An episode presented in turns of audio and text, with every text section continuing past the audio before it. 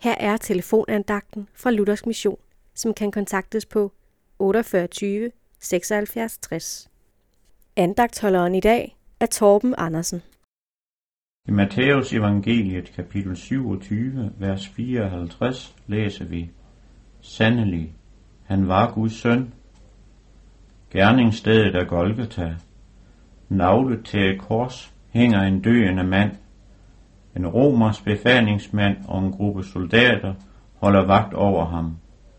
De samme mennesker, der havde råbt, korsfest ham, bort med ham, de håner og spotter ham. Lad ham nu stige ned af korset, så vil vi tro på ham. Andre har han frelst, men sig selv kan han ikke frelse. Men Jesus steg ikke ned. Han kunne have gjort det, for det var ikke navlerne, der holdt ham fast til korset. Det var hans dybe kærlighed til os.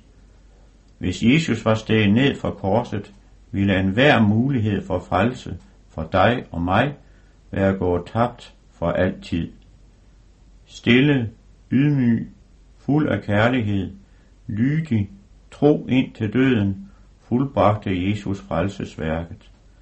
Verdenshistoriens største begivenhed.